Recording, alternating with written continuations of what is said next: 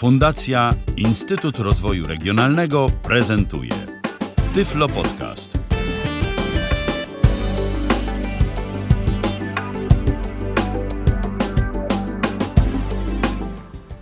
Dzień dobry. W kolejnym odcinku Tyflo Podcastu witam serdecznie. Z tej strony Ala Witek.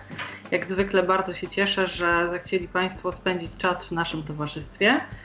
E, dziś e, temat, e, można powiedzieć, bardzo aktualny, dlatego że będziemy rozmawiać o burzach i innych ekstremalnych zjawiskach pogodowych z Państwa i moim gościem, panem Tomaszem Machowskim. Witam serdecznie. Dzień dobry, witam Państwa. Witam, bardzo się cieszę, że zechciał Pan przyjąć zaproszenie do Tyflo Podcastu. E, pan Tomasz, pozwolę sobie tutaj e, jakby dopowiedzieć, żeby troszeczkę słuchaczom przedstawić Pana sylwetkę. E, jest członkiem Polskiego Towarzystwa Łowców Burz. Jest... Stowarzyszenie Polscy Łowcy Burz, może tak. Stowarzyszenie, jasne.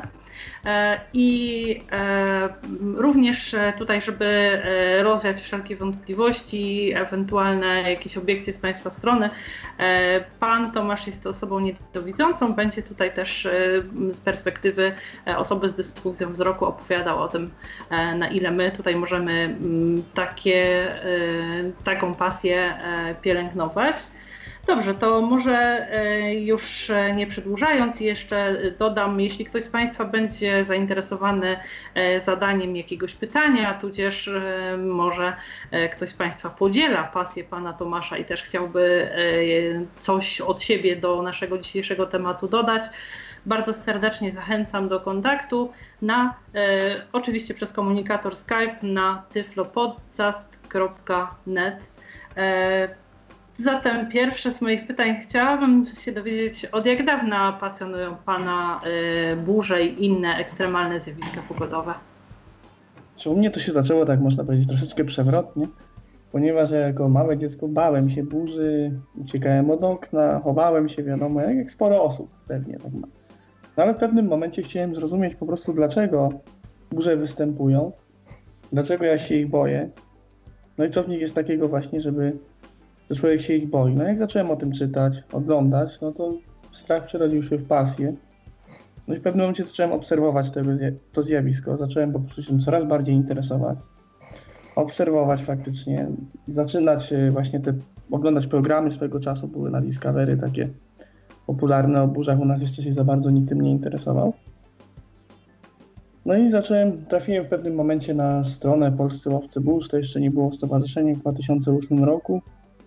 No i w zasadzie od początku istnienia tego stowarzyszenia jestem członkiem właśnie tej grupy. No i staram się dzielić swoją wiedzą, jak i pozyskiwać kolejne zakresy, jakby kolejną wiedzę od y, innych znajomych, innych członków, czy ludzi, którzy się zajmują tym, można powiedzieć, w sposób naukowy. Rozumiem. A y, w jakim y, wieku pana, że tak powiem, e, ta, ta pasja tak rozkwitła na dobre już, kiedy stał się pan członkiem stowarzyszenia? Znaczy, członkiem stowarzyszenia stałem się pod koniec 2008 roku, wtedy kiedy ono powstało. Aha, rozumiem. E, e, chciałabym e, spytać o te e, początki e, stowarzyszenia, bo jeśli mówi Pan, że jest Pan tutaj w ekipie e, od samego początku. E, jak to wyglądało wszystko? E, państwo jak się zaznajamialiście, polecaliście sobie wzajemnie jakieś publikacje, nawiązywaliście kontakty z mm, hobbystami z zagranicy, tutaj, żeby od nich też przejąć jakiś model działania? Jak to wyglądało na początku? Że powiem tak, na początku było forum takie, które założyli koledzy, nie ja, po prostu trafiłem na to przez można powiedzieć, przypadek, przez to, że się tym interesowałem, szukałem wszelkich informacji właśnie na ten temat. No i potem dość szybko właśnie powstała między nami nić porozumienia. No i zaczęliśmy razem w sumie dalej właśnie poszerzać wiedzę, no i jak najbardziej korzystaliśmy z publikacji właśnie amerykańskich, bo tu przede wszystkim e, Amerykanie mają bardzo duże doświadczenie związane z burzami, z różnymi zjawiskami, gdyż u nich tego jest, można powiedzieć, bardzo dużo, szczególnie tornad i oni mają bardzo rozwinięte, że, że tak powiem, mechanizmy ostrzegania, w ogóle wiedzę mają większą na ten temat niż Europejczycy. No i można powiedzieć, że sama nazwa Skyone Polska pochodzi właśnie od stowarzyszenia, znaczy od grupy Skyone, która właśnie tam w Ameryce działa, także jak najbardziej wzorowaliśmy się na, na osobach y, z USA. Mhm, rozumiem. A liczycie się Państwo jakoś, jak liczne grono y, to dziś stanowi y, to Stowarzyszenie Łowców Burz? Znaczy ogólnie członków jest około 30 paru osób. Mhm. Sympatyków natomiast jest bardzo dużo. Na przykład na Facebooku nasz profil jest polubiony przez sto kilkanaście tysięcy ludzi. Także jest to już wartość dość duża.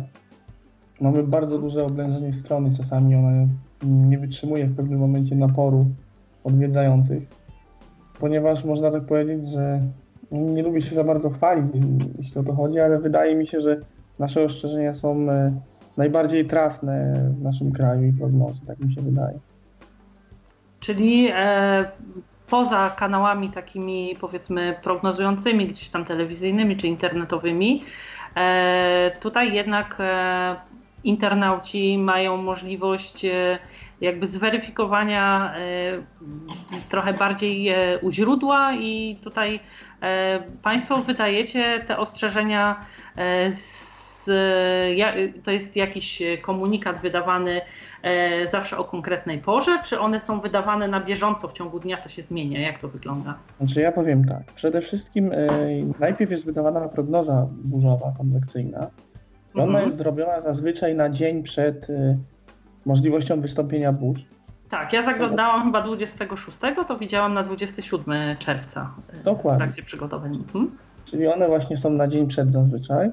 I tam jest opisywany właśnie obszar y, danego kraju, w którym burze mogą wystąpić, mniej więcej jakie mogą generować zjawiska, czyli czy może padać grad na przykład, czy może wiać silny wiatr, ulewne opady deszczu i tego typu rzeczy to później, e, już w ciągu dnia danego, w którym burze występują, e, system ostrzeżeń polega na tym, że komunikaty są wydawane na bieżąco. Tutaj nie ma godzin, tylko wtedy, kiedy przypuszczamy, że istnieje zagrożenie, ktoś e, właśnie z grona łowców burz wydaje ostrzeżenie.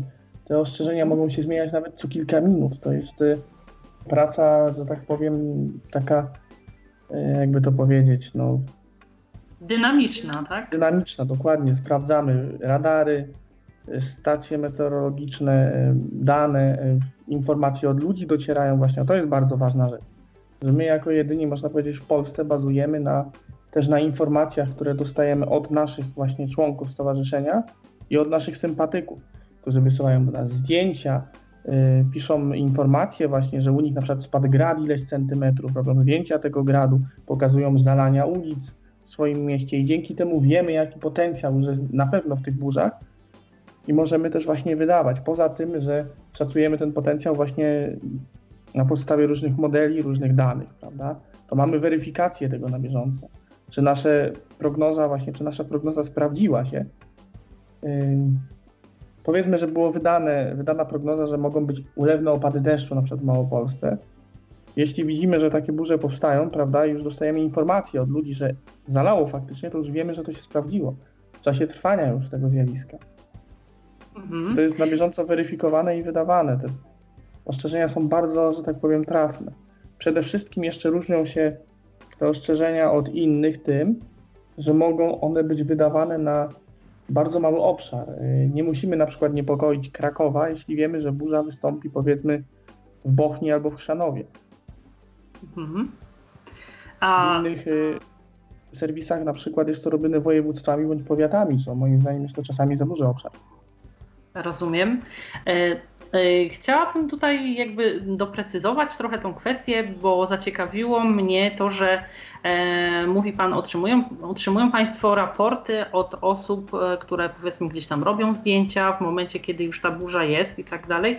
I to jest potwierdzenie Państwa założeń, że na przykład w Bochni właśnie, czy też w Krzanowie ta burza wystąpi.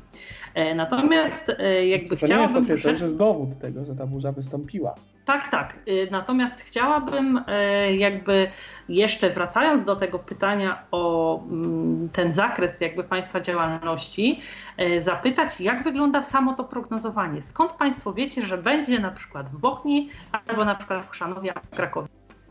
Nie. No to tak jak właśnie warto by zacząć od początku, czyli od momentu powstania prognozy burzowej. Mhm. Prognoza burzowa nie określa dokładnie regionu właśnie, że, znaczy region określa, nie, nie określa miasta, czyli na przykład jeśli wydajemy pierwszy stopień, to po, powiedzmy na pół Małopolski będzie wydany, bądź na powiedzmy pół Śląska, prawda? Ewentualnie no może być też cała Polska, na przykład jak dzisiaj praktycznie. Cała Polska miała stopień jeden i drugi nawet. Były regiony i w sumie jak widać niestety się to sprawdziło. No ale to tutaj bazujemy przede wszystkim na modelach numerycznych, które wskazują pewne właśnie wartości, jak energia chwiejności, wilgotność powietrza, ciśnienie, temperatura powietrza i różnych wiele innych wskaźników, o których może nie ma sensu teraz mówić, ponieważ są bardzo takie, można powiedzieć, już skomplikowane rzeczy. Jak najbardziej, jeśli kogoś to interesuje, to zapraszam na naszą stronę, bo tam jest poradnik, jak y, odczytywać tego typu wszystkie wskaźniki. Ale w każdym razie mówię, jest pewna baza tych wskaźników, których y, osoba doświadczona wie po prostu, że jak połączy kilka tych, y, że tak powiem, wa warunków, to istnieje ryzyko wystąpienia powiedzmy takiej lub innej burzy, czyli na przykład burzy z gradem, burzy z ulewą. Na przykład jeśli chodzi o burzę z ulewą, to jest taki parametr y, w skrócie zwany PW, czyli chodzi o to precipitation water, czyli po prostu zawartość y,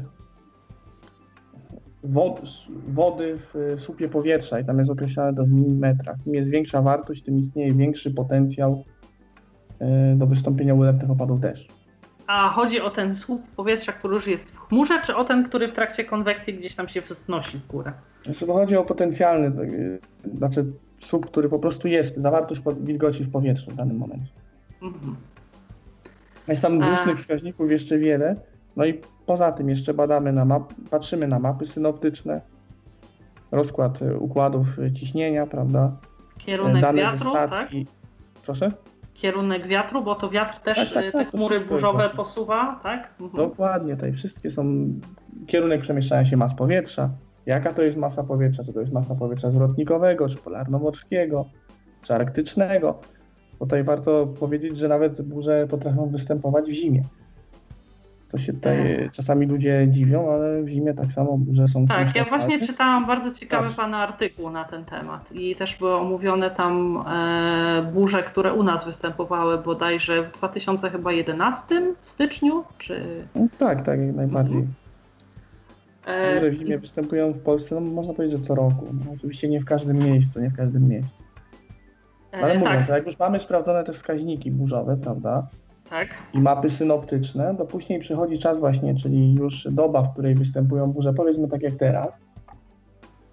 Yy, mamy do tego do dyspozycji mapy radarowe, zdjęcia satelitarne, detektory wyładowań.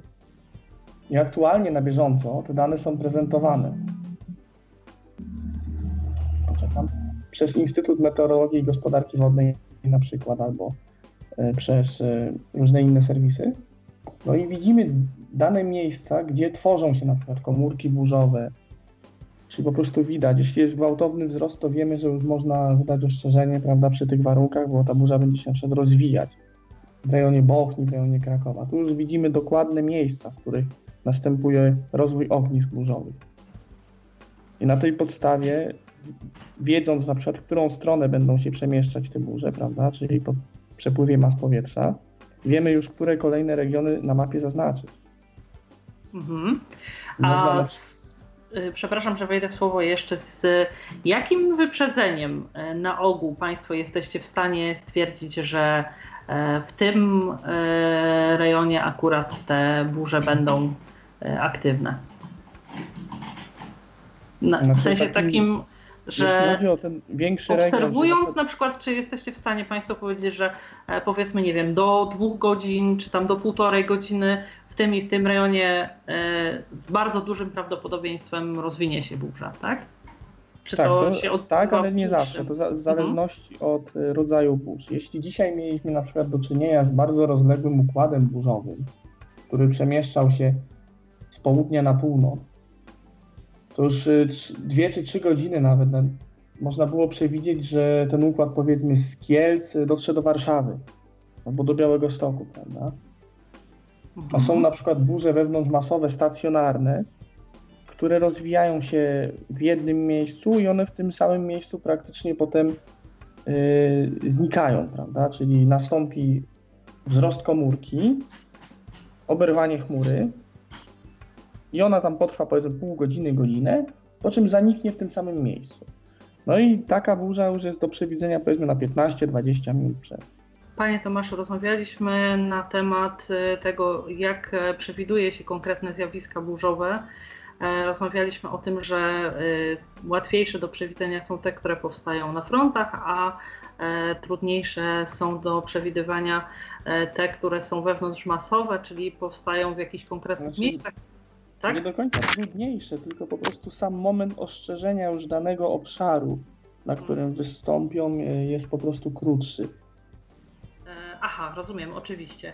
E, państwa działalność to e, oczywiście wydawanie prognoz i ostrzeżeń, ale to też e, tak, formy tej działalności to również obserwowanie różnych zjawisk, fotografowanie, tudzież... E, Edukacja jeszcze przede wszystkim. Tak, i e, również wydawanie e, publikacji w Państwa serwisie dotyczących różnych zjawisk. Dokładnie, artykuły, publikacje. W tych gałęziach troszeczkę więcej opowiedzieć, jak wygląda na przykład forma właśnie edukacji. Tu chodzi o zakres związany z bezpieczeństwem, tak, w trakcie burz?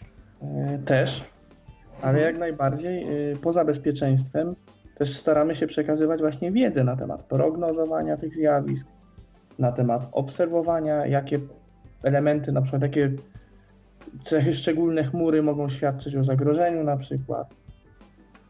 A jakie to są cechy? Czy to jest tak do obejrzenia dla zwykłego zjadacza chleba gołym okiem, że patrząc na chmurę po zapoznaniu się z tymi materiałami udostępnionymi przez Państwa, może stwierdzić, o z tej chmury to będzie burza albo będzie jakiś ulewny deszcz, czy coś takiego, tak? Jak to na przykład wygląda? Tak, jak najbardziej. Na przykład bardzo gęste smugi opadowe, takie ciemne jeszcze, mogą świadczyć o intensywnym opadzie deszczu. Wał szkwałowy, czyli chmura, tak zwana chmura szelfowa, taki poziomy wał, po prostu ciemny zazwyczaj. Chmur, który idzie prosto na nas, może świadczyć o bardzo silnym wietrze. Aha, no czyli jeśli widzimy w chmurze wewnątrz takie ciemniejsze słupy, to możemy się znaczy, spodziewać, nie, że... taki poziomy wał po prostu, Aha. po całym niebie jakby się przesuwał. Mhm. Oczywiście y, biorąc pod uwagę te opisy, o których ja mówię, to na naszej stronie są dostępne zdjęcia mhm. E, które właśnie pokazują tego typu zjawiska, prawda? jak to wygląda rzeczywiście. Żeby ktoś mógł zobaczyć rzeczywiście, no oczywiście jeśli jest w stanie, prawda, bo wiadomo, że osoba, która ma bardzo, no po prostu nie tak super wzrok jak e, każdy, no to będzie miała z tym pewien problem. Mhm. A Państwo fotografie y, tych chmur przygotowujecie przy wykorzystaniu jakiegoś specjalnego sprzętu, czy to są E, powiedzmy jakieś tam e, aparaty dostępne ogólnie w sprzedaży? Ja powiem tak, żeby zarejestrować wyładowanie wystarczy średniej jakości kamera albo aparat. Mhm. Nie trzeba jakichś specjalnych sprzętów. Wiadomo, że jeśli chce się nagrać w zwolnionym tempie, to musi być to jakiś już droższy aparat, który taką funkcję po prostu e, posiada, prawda? I, i można to zarejestrować. Ale tak to, jeśli chodzi o burzę, no to przede wszystkim o nocne wyładowanie na przykład, jak ktoś by chciał zrobić, no to przede wszystkim e, ważne jest to, aby aparat oferował możliwość e, dłuższego, ustawienia dłuższego czasu ekspozycji, powiedzmy kilka sekund, prawda? bo wtedy mamy powiedzmy możliwość, że jak e, w czasie burzy piorun uderza co kilka sekund, no to że po prostu nam wejdzie w kadr w czasie otwarcia mijawki. Rozumiem. Z takimi najprostszymi kompaktami jest właśnie problem, ponieważ one nie oferują tej opcji bo to jest e, krótka chwila, tylko ten moment, kiedy jest robione zdjęcie. Dokładnie, takie... to jest tam hmm? bardzo krótki odstęp i trudno po prostu trafić. Jasne.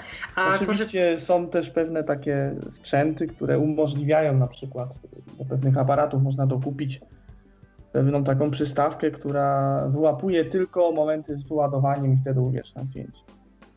Aha, ale to już są takie jakby bardziej profesjonalne yy, Tak, to już jest takie bardziej tak? profesjonalne i, i niezbyt tanie, jeśli bym mógł tak powiedzieć. Sam Mhm. osobiście czegoś takiego nie posiadam. Rozumiem. A wróćmy na chwilę jeszcze do tych e, kwestii bezpieczeństwa, tutaj do tych e, form edukacji m, propagowanych przez Państwa. E, Jakie są m, oczywiście w takim najbardziej ogólnym zarysie takie kwestie związane z bezpieczeństwem, które są takie najbardziej elementarne, czego powinniśmy się wystrzegać i jak e, zabezpieczać w trakcie burzy? Czy to jest tak, że koniecznie musimy gdzieś przebywać e, w jakimś zamkniętym pomieszczeniu, gdzie e, ogólnie możemy szukać schronienia, a gdzie nie powinniśmy go szukać? Znaczy ja powiem tak, bardzo cieszy mnie to pytanie, zwłaszcza dzisiaj. Ponieważ Mhm. dzisiaj można na konkretnych przykładach powiedzieć, dlaczego burza jest niebezpieczna i czego na przykład nie warto robić podczas burzy. Y, powiedzmy, pierwsze takie przykładowe, no to każdy wie, nie stawać y, pod drzewem podczas burzy.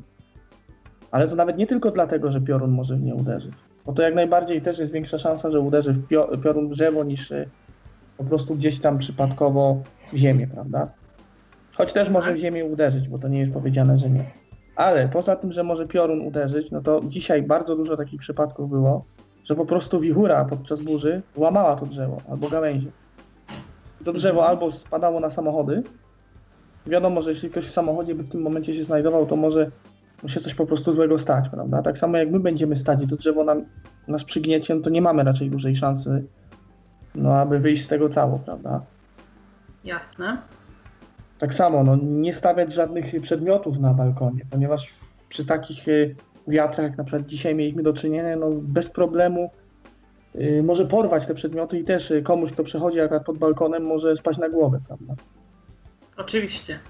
Kolejna sprawa, no nie warto też y, podczas tak mocnej burzy chodzić ulicami miasta. No, w Tarnowie dzisiaj był naprawdę spektakularny przypadek. Na szczęście było to w miarę wcześnie i było dość pusto na rynku miejskim, ale burza była tak silna, że zerwała dach z kamienicy i, i rzuciła go na płytę rynku. Także wiadomo, co by się stało, gdyby tam ludzie stali, prawda? Oczywiście.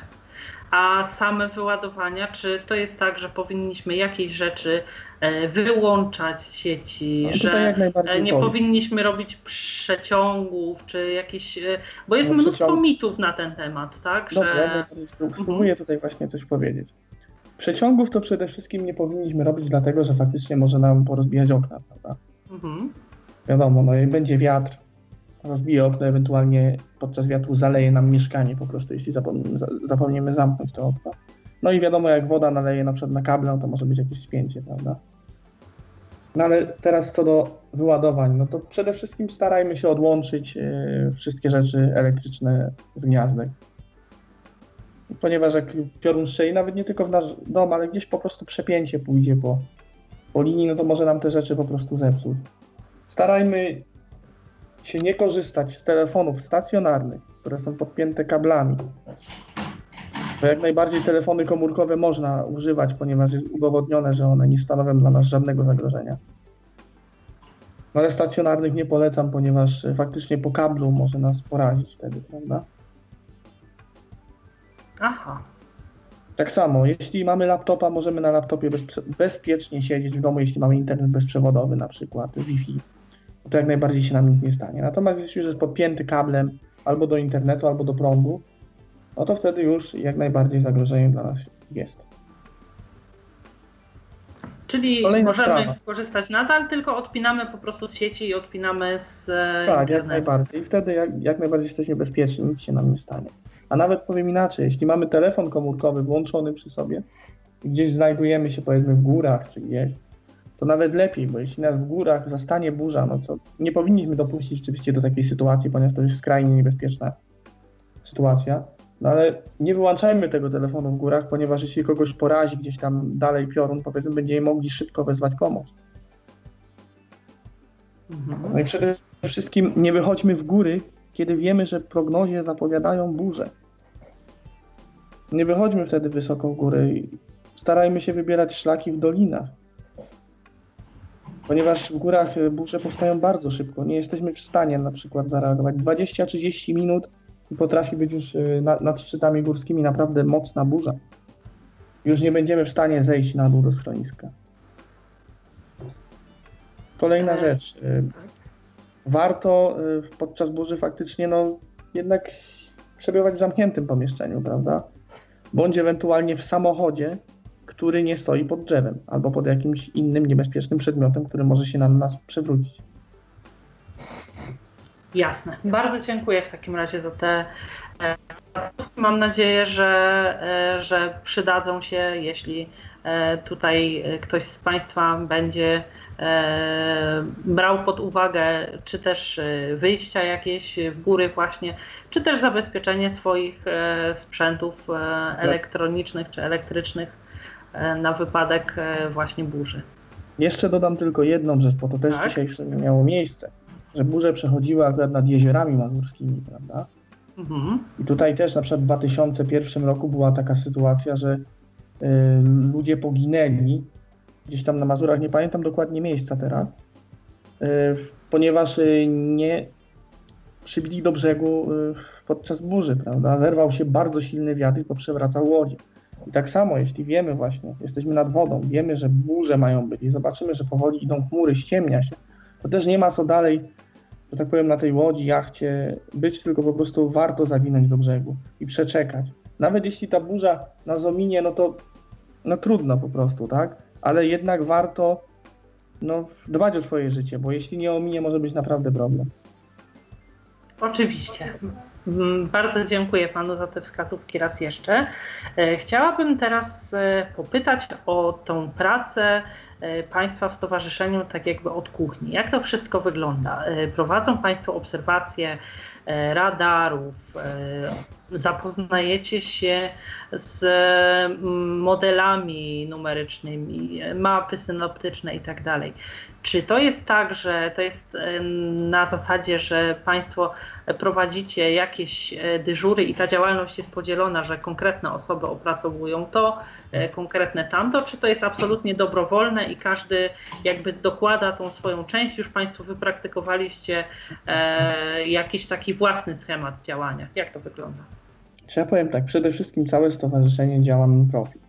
Czyli nie pobieramy żadnych pieniędzy od, y, od ludzi czy od ten. Jedynie jeśli ktoś chce nas wesprzeć, jak najbardziej jest taka możliwość, można przekazać na darowiznę na stowarzyszenie, ale jeśli chodzi o pracę, to jak najbardziej jest to dobrowolna rzecz. Każdy uznaje po prostu ile ma czasu, na ile może tego wkładu właśnie udzielić w tą pracę, aby po prostu no, aby po prostu w sumie tą działalność jakoś kontynuować, ale z doświadczenia wychodzi to tak, że w zasadzie no, cały czas ktoś e, jest na miejscu. Monitoruje, tak, na bieżąco? Dokładnie. Nie ma tak, żeby. Albo bardzo rzadko się zdarza, żeby po prostu nie było nikogo. Rozumiem. A jak to jest z tymi radarami? E, To są e, jakieś radary takie profesjonalne, z których Państwo macie odczyty, e, nie wiem, przy stacjach pogodowych, czy też część użytkowników ma jakieś własne stacje? Jak to wygląda? Ja powiem tak. Radary są w Polsce akurat pod, e, jakby to powiedzieć, no, opiekuje się nimi Instytut Meteorologii i Gospodarki Wodnej. On jest Mhm. właścicielem tego sprzętu. No i on udostępnia od tego roku te dane na swojej stronie internetowej pogodynka.pl i każdy może zobaczyć te wyniki, że tak powiem, działalności tego sprzętu i każdy może obserwować, czy burza na przykład nie jest w jego regionie.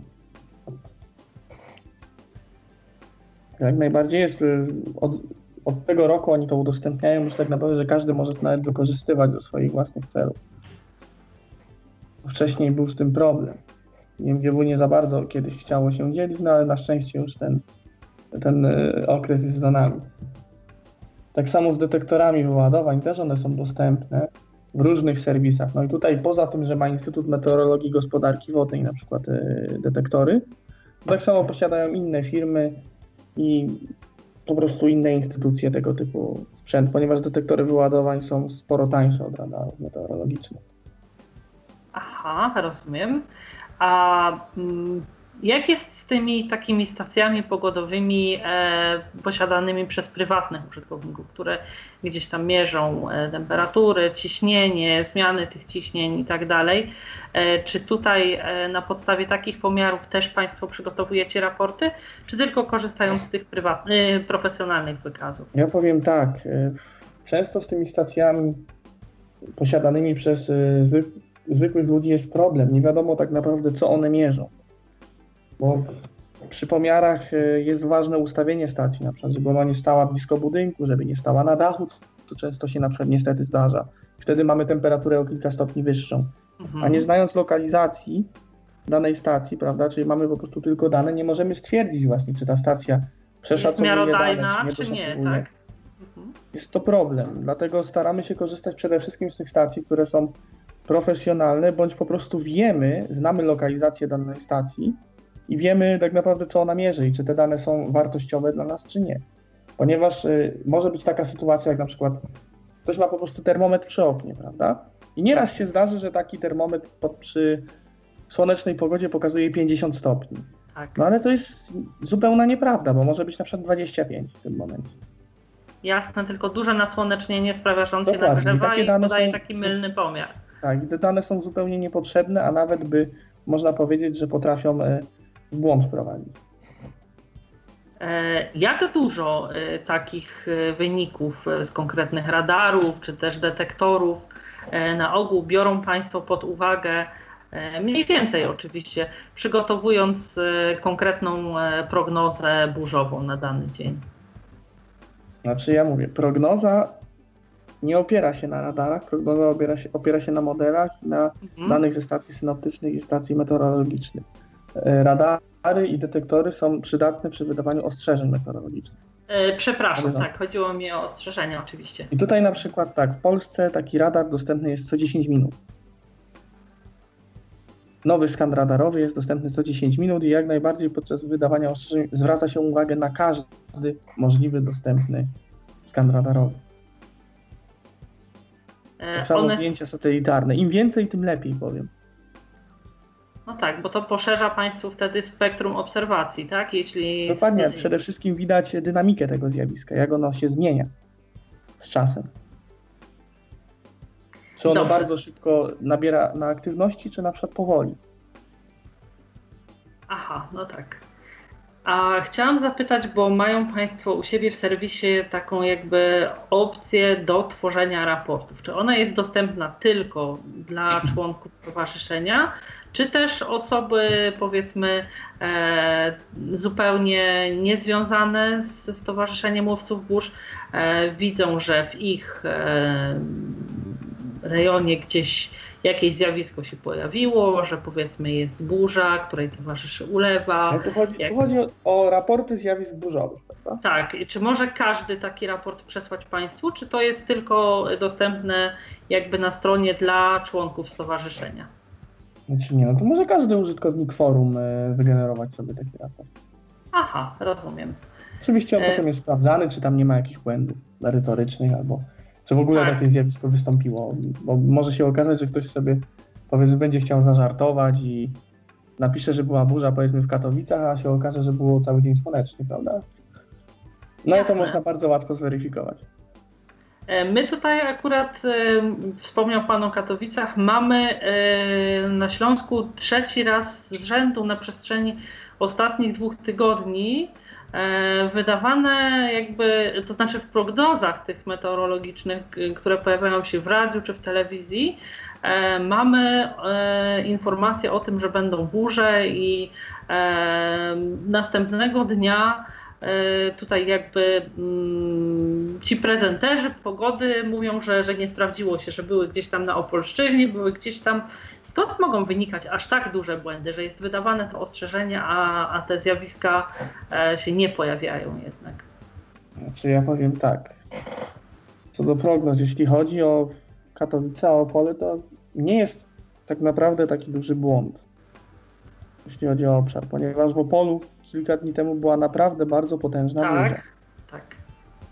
I tutaj tak naprawdę, jeśli faktycznie ten front by się przesunął, powiedzmy te kilkadziesiąt kilometrów kolejną stronę, no to taka burza mogła być w Katowicach, prawda? Tak, tak, tylko ja właśnie Pogoda jest mówię, bardzo jest... dynamiczna i tu nie da się określić tego na dwa dni przed na przykład, czy dzień przed, że właśnie burza wystąpi konkretnie. Nie, nie, ja nie mówię absolutnie o sytuacjach takich, Takie które są na dwa dni czy na dzień przed, tylko mówię, że na przykład prognozowania pogody.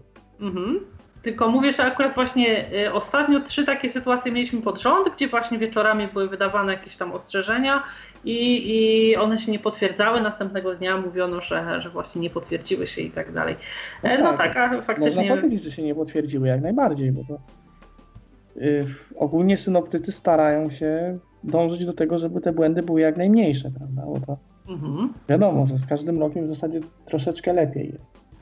Ale Jasne. natomiast co do Katowic, no w Częstochowie już burze na przykład bywały ostatnio. No tak, ale to jest tam przeszło 80 km, więc tutaj jednak e, różnica jest taka. E, no, Dzisiaj na przykład burza była niedawno między Krakowem a Katowicami. Mhm. O, więc mam nadzieję, że, że do nas tutaj e, nie dotrze, przejdzie bokiem i żadnych jakichś wielkich nawałnic, zniszczeń nie będzie. Teraz E, już raczej, dzisiaj już raczej powinno się uspokajać powoli w Polsce. To, co najgorsze już na szczęście jest za nami.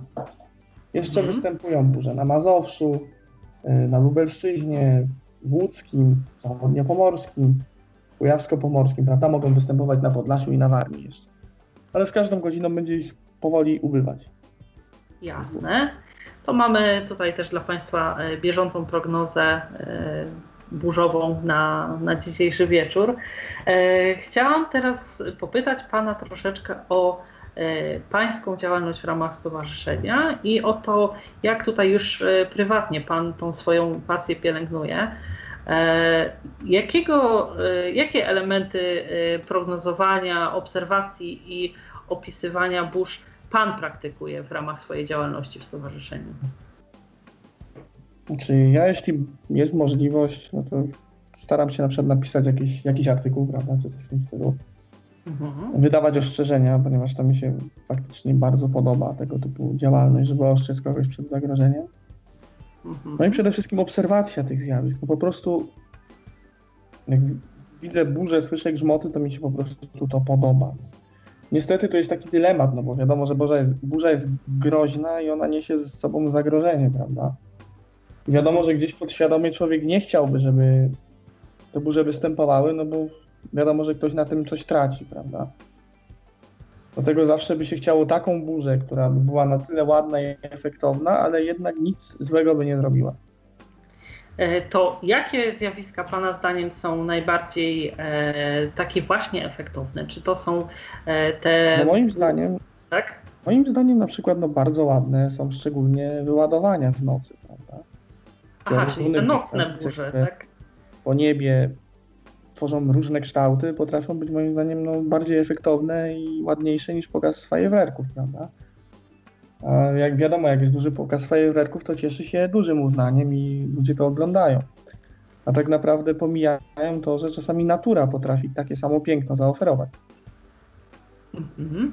A y, są jakieś e, rodzaje, że tak powiem, wyładowań, które e, cieszą się jakąś szczególną, e, powiedzmy, taką atencją pośród łowców burz, które są szczególnie chętnie fotografowane? Czy ja Jak to powiem jest z tymi każdy- piorunami kulistymi, jakimiś... E, gdyby Pan mógł troszeczkę tak barwniej opowiedzieć o tym, Znaczy, ja powiem tak, no co każdy chętnie łowca, fotografujecie, właśnie. powiem tak, każdy łowca ma swoje jakieś wybrane części burzy, prawda?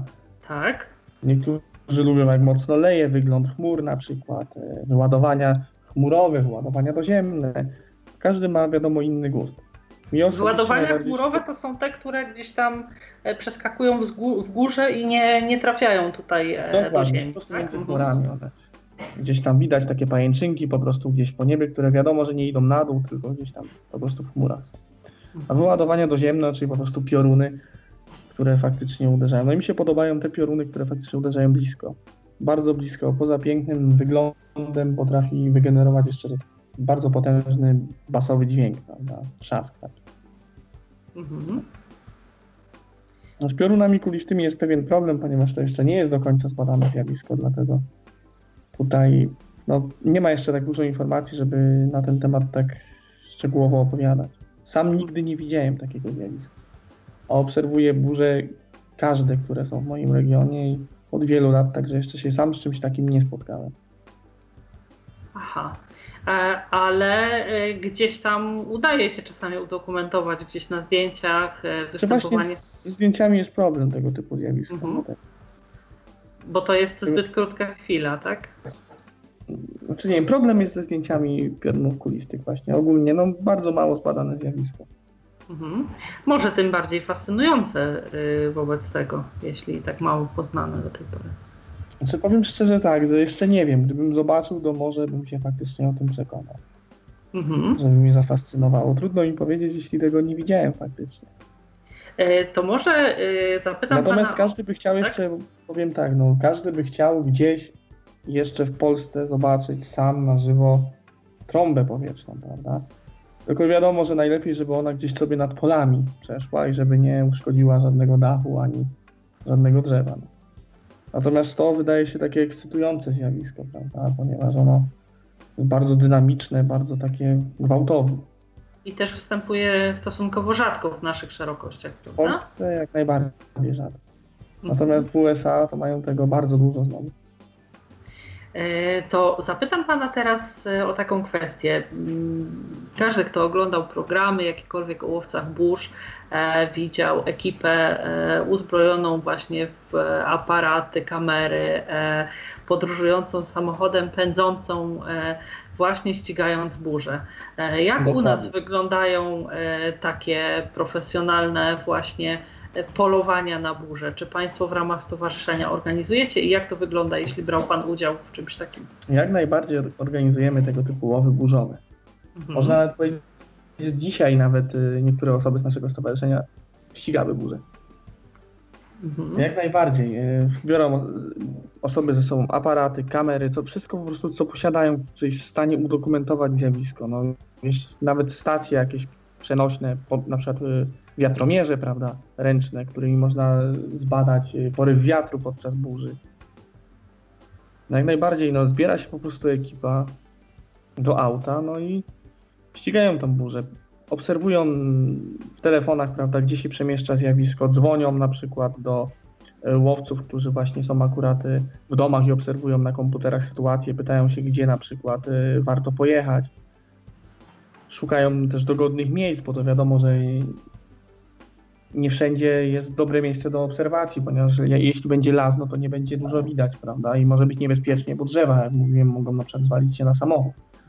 To jakie jest takie idealne miejsce? Bo myślę, że wzgórze jakieś też niekoniecznie, bo jednak wyżej i jest bardziej niebezpieczne. Też trochę niebezpieczniej. Bardziej. Idea, idealne miejsce to moim zdaniem jest takie po prostu prawie puste pole gdzieś na wsi, gdzie nie ma Równiny takie, tak? Tak, tak. Nie ma dużo zabudowań, nie ma dużo drzew. Rozumiem. Wtedy jest piękny, szeroki widok na nadciągające czoło burzy, bądź na miejsce, w którym aktualnie występują wyładowania. A te wyładowania. No powiem występ... tak, że podczas takich łowów naprawdę no, tak. no, czasami adrenalina się pojawia, ponieważ można filmować e, burzę, która wydaje się, że jest dość daleko, powiedzmy parę kilometrów, a nagle uderzy piorun 200-100 metrów obok e, filmującego, prawda? To naprawdę niesamowite. Czy w trakcie y, tego wyzwalania się właśnie tych takich dużych dawek adrenaliny y, Państwo, Panowie w ogóle myślicie o tym, y, jakim zagrożeniem jest ta burza, która gdzieś tam obok Was tuż się toczy?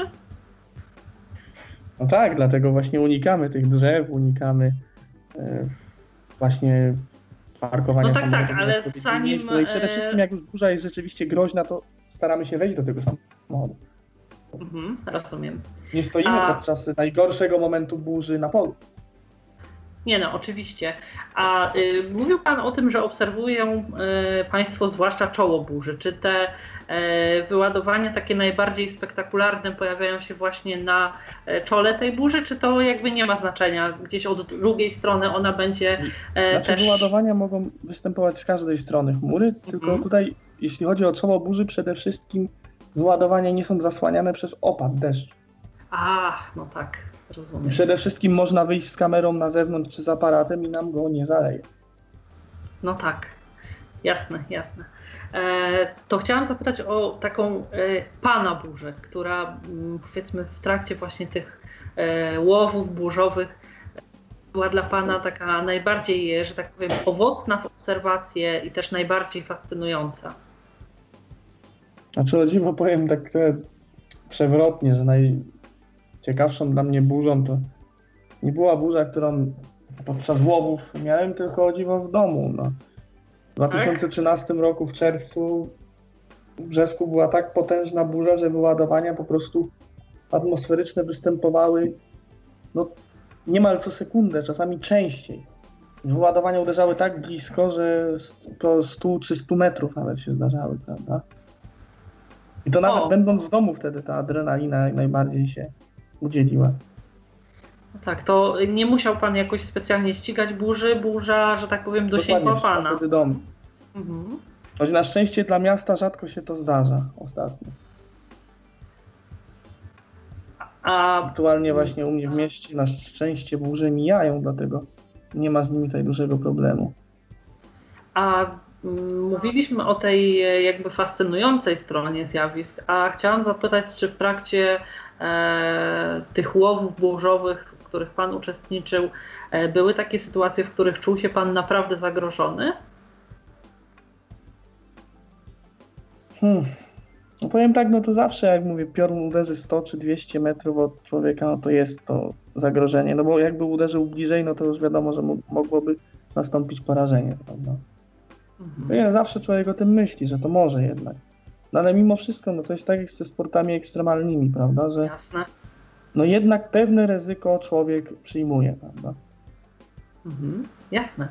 A... Gdyby nie było ryzyka, no to raczej, no nie wiem, nie byłoby pewnie aż aż takiej atrakcji tego, no bo tak mi się wydaje, no jak ludzie na motorach jeżdżą, to też po coś. No tak, oczywiście. E, tutaj e, wydaje mi się, że ta chęć doświadczenia czegoś e, niezwykłego, bo jednak burze, mimo że e, przez te sezony letnie trafiają się dosyć często i jakby może troszeczkę do nich przywykliśmy, są rzeczywiście widowiskowe i bywają naprawdę fascynujące. A chciałam zapytać teraz o mm, ten sprzęt, z jakiego Pan korzysta. E, z jakiego e, sprzętu właśnie korzysta Pan do obserwacji, nie wiem, chmur, e, opadów, do fotografowania tych zjawisk burzowych? Czy Pan się posługuje? W, no tutaj akurat, no, ja posiadam aparat z wymienną optyką po prostu takiej średniej klasy można powiedzieć. Nie jest to jakiś dobry sprzęt, nie jest to jakiś zły, w zupełności wystarcza. Inne osoby właśnie posiadają jakieś kamery, też lustrzanki cyfrowe na przykład. Mhm. E, aktualnie no, mi się udało w sumie jakieś kilka lat temu porozumieć e, z Urzędem Miasta i z pewną firmą, e, która akurat założyła na terenie miasta stację taką półprofesjonalną, meteorologiczną i korzystam jak najbardziej z danych. E, no to świetnie. To, to rzeczywiście ma bardzo znakomity punkt obserwacyjny, jeśli e, z takiej Są stacji... wszelkie dane właśnie. Wiem, że ta stacja jest dobrze zamontowana w dobrym miejscu. Wiem, że dokonuje dobrych pomiarów. No wiadomo, że nie są to idealne pomiary jak stacje IMGW, bo tam jakieś odchyły od normy są, ale nie są one duże. Dlatego tego typu stacja jak najbardziej jest przydatna. A chciałam zapytać Pana o mm, jeszcze kwestie związane z tym podróżowaniem, z łowami burzowymi. E, jakie ciekawe miejsca odwiedził Pan e, właśnie ścigając burze? Może takie, które sprawiły, że może takie, które stały się jakąś idealną scenerią dla burz, albo takie miejsca, które e, wywarły na Panu wrażenie, a których gdyby nie e, jakieś łowy burzowe, raczej nie zdecydowałby się Pan odwiedzić? Znaczy powiem, że tego typu miejsc ogólnie jest dużo. No, Polska jest dość ładnym krajem, mi się wydaje. Mamy tutaj bardzo dużo miejsc, choćby w Małopolsce, które są na tyle ładne, nie tylko z punktu widzenia obserwacji burzowych, że warto po prostu się do nich wybrać. No, uważam, że trudno wymienić jakieś jedno miejsce, naprawdę. Mhm. A, rejony e, Nowego Sącza, rejony nawet mojego miasta na wzniesieniach, rejony Krakowa, na przykład Kopcy. To naprawdę bardzo ładne miejsca. Mhm. A mm, czy to, że na przykład od rodzajów miejsc, w których prowadzą Państwo łowy burzowe sprawia, że jakoś tej adrenaliny jest więcej? Czy prowadzą Państwo na przykład obserwacje gdzieś nad jakimiś zbiornikami wodnymi? Mnie na przykład zafascynowała burza, którą widziałam e, wieczorem nad morzem e, i dla A mnie to było... No właśnie. E, dla mnie to był taki jakby najbardziej taki fascynujący, fascynujące okoliczności do, do oglądania tej burzy, więc Akurat znaczy, podróżując brzegiem ma, morza ktoś... mogłam obserwować przez cały czas, tak? Mhm. Jeśli ktoś ma możliwość i nad morzem mu się trafi akurat burza, to jak najbardziej jest zadowolony. Oczywiście wiadomo, że jeśli ta burza już jest blisko i no, zaczyna uderzać blisko nas, no to trzeba po prostu się z plaży ewakuować. Mhm.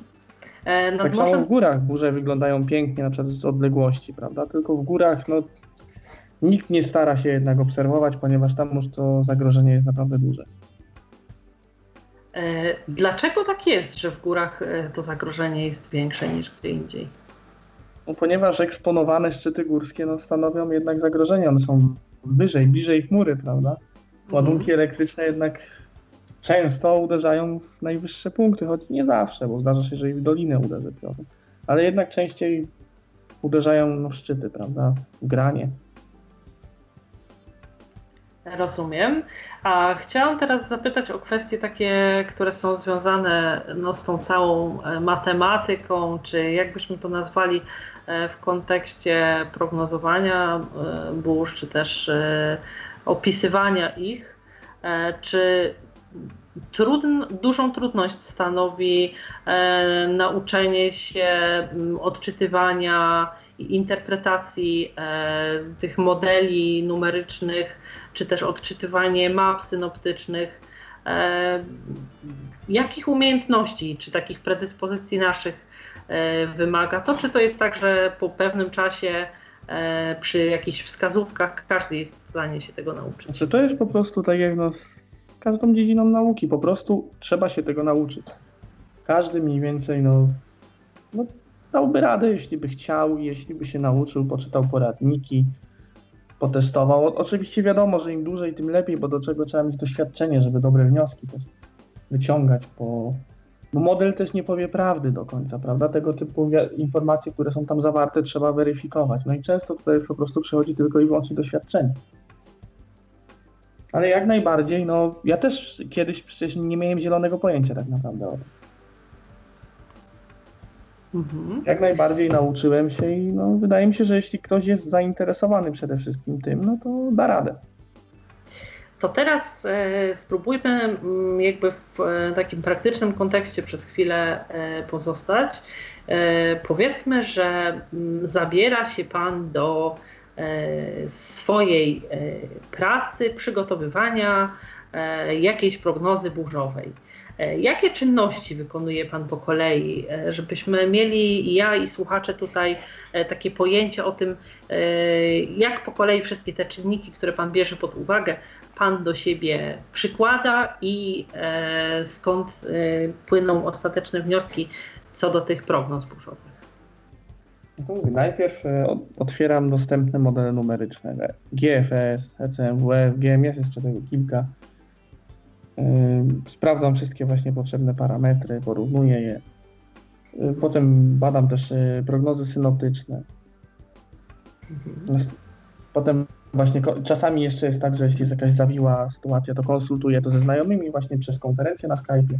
Kolejne pytanie, jakie chciałabym Panu zadać, to o e, zjawiska ekstremalne, pogodowe, niekoniecznie związane akurat stricte z burzą, możliwe też, ale mm, czy są takie, których e, do tej pory nie miał Pan możliwości obserwować, chociażby, nie wiem, ze względu na nasze położenie geograficzne, czy też e, na jakieś e, kwestie takie, że nie miał Pan możliwości na przykład wybrania się na łowy związane z takim zjawiskiem, a bardzo chciałby Pan zobaczyć w przyszłości, jakie to zjawiska, jeśli oczywiście takie są.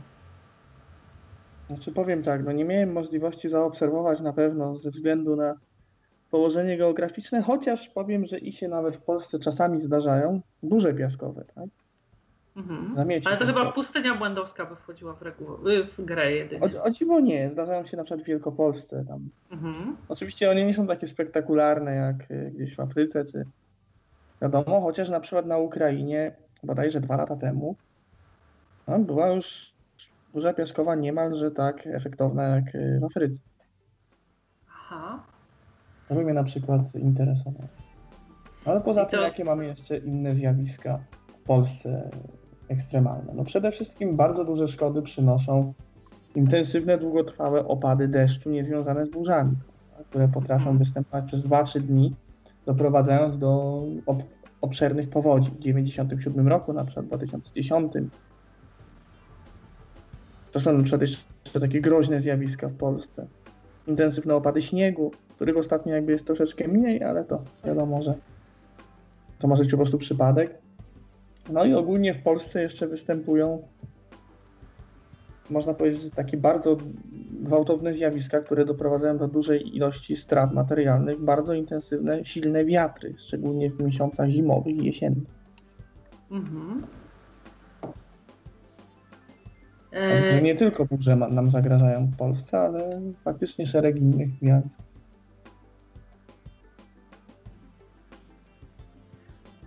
Jasne. A chciałam zapytać teraz już o y, kwestie związane z mm, stawaniem się łowcą burz, powiedzmy.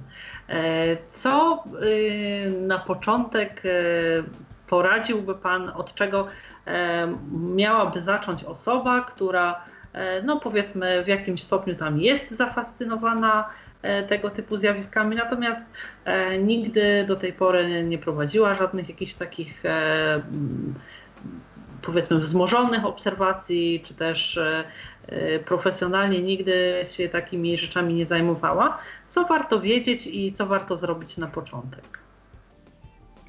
Znaczy, no przede wszystkim właśnie musi być to zainteresowanie, prawda? Czyli Tak, tak, to oczywiste. osoba musi być zainteresowana. No, a zazwyczaj z doświadczenia wiem, że jeśli ktoś jest czymś zainteresowany, no to jakoś próbuje rozwijać, prawda, to, to zainteresowanie i próbuje sam szukać pewnych właśnie rzeczy, czyli albo zacznie obserwować te burze sam, albo kupi sobie aparat, żeby zdjęcia robić, powiedzmy, albo zacznie sprawdzać prognozy pogody, no ewentualnie tak- po prostu faktycznie zacznie rozmawiać z kimś, kto tego typu pasję ma i zacznie się dzielić doświadczeniami, zacznie dostawać większą, znaczy poznawać jakby inne aspekty jeszcze tej właśnie wiedzy, prawda, czyli rozwijać po prostu swoją wiedzę. No jak najbardziej, no żeby stać się łowcą burz, no można tak samo próbować dołączyć do naszego stowarzyszenia na przykład. Jasne. A mm, czy są jakieś określone warunki, które należy spełnić, żeby e, stać się członkiem Państwa Stowarzyszenia? Znaczy przede wszystkim osoba właśnie musi być zainteresowana, zainteresowana. Mhm. Musi wyrazić chęć wstąpienia do stowarzyszenia, no i musi uzyskać przede wszystkim jakieś, że tak powiem, jakąś opinię od jakiegoś członka stowarzyszenia, że no, że ta osoba faktycznie rokuje na to, że będzie powiedzmy coś y, tworzyć dla stowarzyszenia, choćby nawet robienie zdjęć i raportowanie. To nie musi być naprawdę duży wkład, po prostu samo to, że ktoś będzie się dzielił doświadczeniami z burz wystarczy, prawda? Tylko żeby robił to na poważnie. Jasne. A No i potem zapytać. musi oczywiście zostać przyjęty przez stowarzyszenie, tak? Warto by było, żeby taka osoba się pojawiła na jakimś spotkaniu albo regionalnym, które są organizowane czasami przez członków stowarzyszenia z, różnego, z różnych części kraju, bądź ewentualnie przyjechała na doroczny zlot polskich łowców burz, który odbywa się w różnych miastach. W tym roku będzie w Krakowie na przykład. A próbują Państwo organizować y, zloty, tak spytam z ciekawości, w takim czasie, kiedy spodziewacie się, że może się zdarzyć jakaś burza, czy zupełnie niezależnie od tego?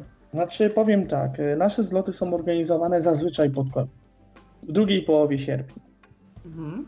Już taką po prostu mamy tradycję. Tam Jasne. zdarzyło się raz, że było na przykład we wrześniu, no ale no i zazwyczaj staramy się, żeby ten termin był w miarę, w miarę podobny. Koniec sierpnia to już można powiedzieć, że zbliżamy się powoli do końca se- sezonu, bo to jeszcze nie, bo jeszcze wrzesień jest. No ale już teoretycznie te najlepsze burze powinny być za nami, chociaż to mówię, no, nie ma reguły nigdy. Jasne. A chciałam zapytać teraz o kwestię taką, która mm, też w jakiś szczególny sposób dotyczy naszych słuchaczy.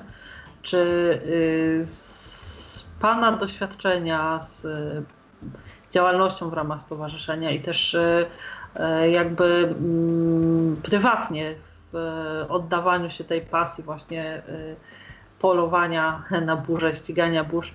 E, uważa Pan, że osoba e, z, nawet ze znaczną dysfunkcją wzroku może e, obserwować, opisywać burzę, a jeśli tak, to w jakim zakresie? Jak najbardziej może. Mi osobiście, no w sumie nawet powiem szczerze, że przynależność do tego stowarzyszenia pomogła w jakiś sposób, prawda? Mhm. Ogólnie, no, można powiedzieć, że to bardzo miłe doświadczenie, prawda? Uważam, że, że się przez to jakby rozwinąłem w dobrą stronę, jakbym to powiedział. No jak najbardziej można obserwować. No jeśli ktoś powiedzmy słabo widzi, no zawsze może słyszeć, prawda, dźwięk wyładowań, prawda? Usłyszy jak mocno pada, no bo to wiadomo, że im mocniejsza ulewa, tym generuje większy dźwięk, usłyszy czy grad jest. Potem może wyjść na zewnątrz na przykład już po, zaraz po burzy, zmierzyć ten grad w jakiś sposób, prawda? Może mhm. przede wszystkim pisać artykuły na temat burz. Prognozy może pisać, no bo tutaj wiadomo, że już wszystkie, że tak powiem, rzeczy są dostępne, prawda, na komputerze. No. Komputer to jest na tyle dobre narzędzie, że potrafi mniej więcej dostosować y, wszystkie dostępne treści do osób y, nawet niewidomych, prawda? No, Obawiam się, że z osobami niewidomymi problem z odczytywaniem map synoptycznych mógłby być, ale być może właśnie tak. E, nie, nie zakładałabym, że na pewno. Obawiam się, że być może być, tak, ale że generalnie z mapami nie jest łatwo. Tak, ale na przykład już modele numeryczne i opracowanie prognozy dla jakiegoś miasta myślę, że dałby radę, ponieważ są dostępne tabele. Mhm. I one są jakby w wersji tekstowej przygotowywane. Tak? Proszę? One są w wersji tekstowej, tam nie ma grafik, tylko te tabele są jakby tak, opisowe. Są tabele tak? i jest tam cyframi zazwyczaj i dany wskaźnik ma po prostu odpowiednią e, wartość przypisaną. Mhm. Ale wiadomo, że dla całej Polski prognozę raczej byłoby trudno zrobić. Takiej osobie niewidomej już, ponieważ e, bardzo dużo musiałaby przeanalizować tego typu tabelek. Tutaj jednak lepiej faktycznie mapa ale można generalnie, jeśli kogoś coś takiego pasjonuje i chciałby jakoś tam się wdrożyć, zacząć próbować robić na początek jakieś prognozy dla niewielkich obszarów, tylko dla siebie. E, to... Dokładnie, przede wszystkim poznać, mógłby poznać zasady bezpieczeństwa, mógłby o tym opowiadać kolejnym osobom, prawda, bo to jest bardzo ważna rzecz. Szczególnie właśnie, że ludzie często no, lekceważą niebezpieczeństwo związane z burzami, no i nie wiedzą po prostu jak się zachować. No tak. E, Uważam, że jeśli ktoś nie spróbuje czegoś, to się nie dowie, czy da radę, czy nie, prawda? Musi Jasne, spróbować. Serdecznie zachęcamy Państwa, jeśli e, będą chcieli Państwo spróbować, Panie, to... Jeśli ktoś jest zainteresowany, to e, wiadomo, Można... że nie ma też co na siłę kogoś zmuszać, bo jeśli ktoś nie czuje po prostu, że tak powiem, zainteresowania burzami, to nie musi. Ale na przykład zapraszam do korzystania z naszych prognoz. Będzie przynajmniej wiedział, czy mniej więcej w danej jego miejscowości będzie burza, prawda? pewnie, a jeśli będzie chciał e, spróbować e, może połknąć bakcyla i e, w przyszłości zostać łowcą burz, to też ma do dyspozycji naprawdę bardzo ciekawe publikacje. Ja przyznam szczerze, nie jestem zorientowana w temacie, co zapewne słychać i jakby tutaj przygotowując się do, do podcastu korzystałam z Państwa, z Państwa serwisu Natomiast ja jako y, kompletny laik znalazłam tam kilka albo kilkanaście nawet publikacji, które przeczytałam z prawdziwą przyjemnością. Są e, bardzo przystępnym językiem napisane e, i takim e, opisane są różnego rodzaju zjawiska, czy też schematy powstawania pewnych zjawisk, mechanizmy właśnie rządzące pogodą.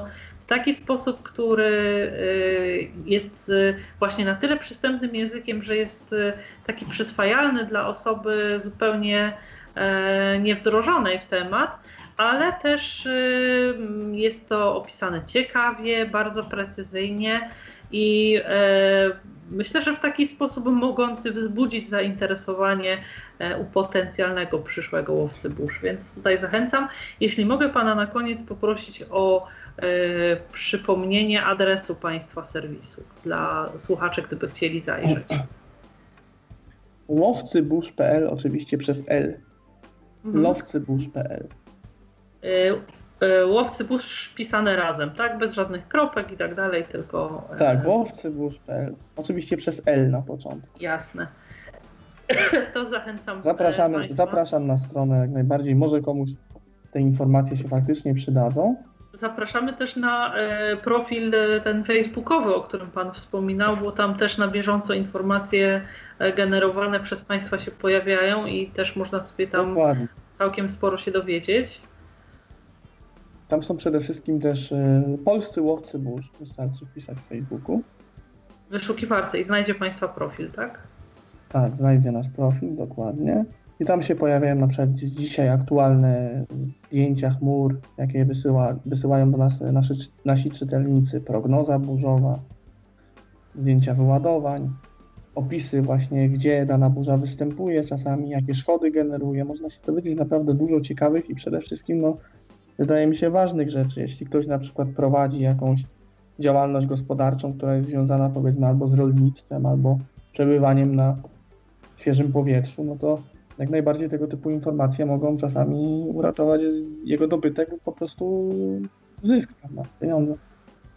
Albo działalność związana z transportem, bo Dokładnie, nierzadko tak zbywa, zdarza się tak, że. E, Na przykład dzisiaj jakieś... były opóźnione pociągi w Warszawie, ponieważ hmm.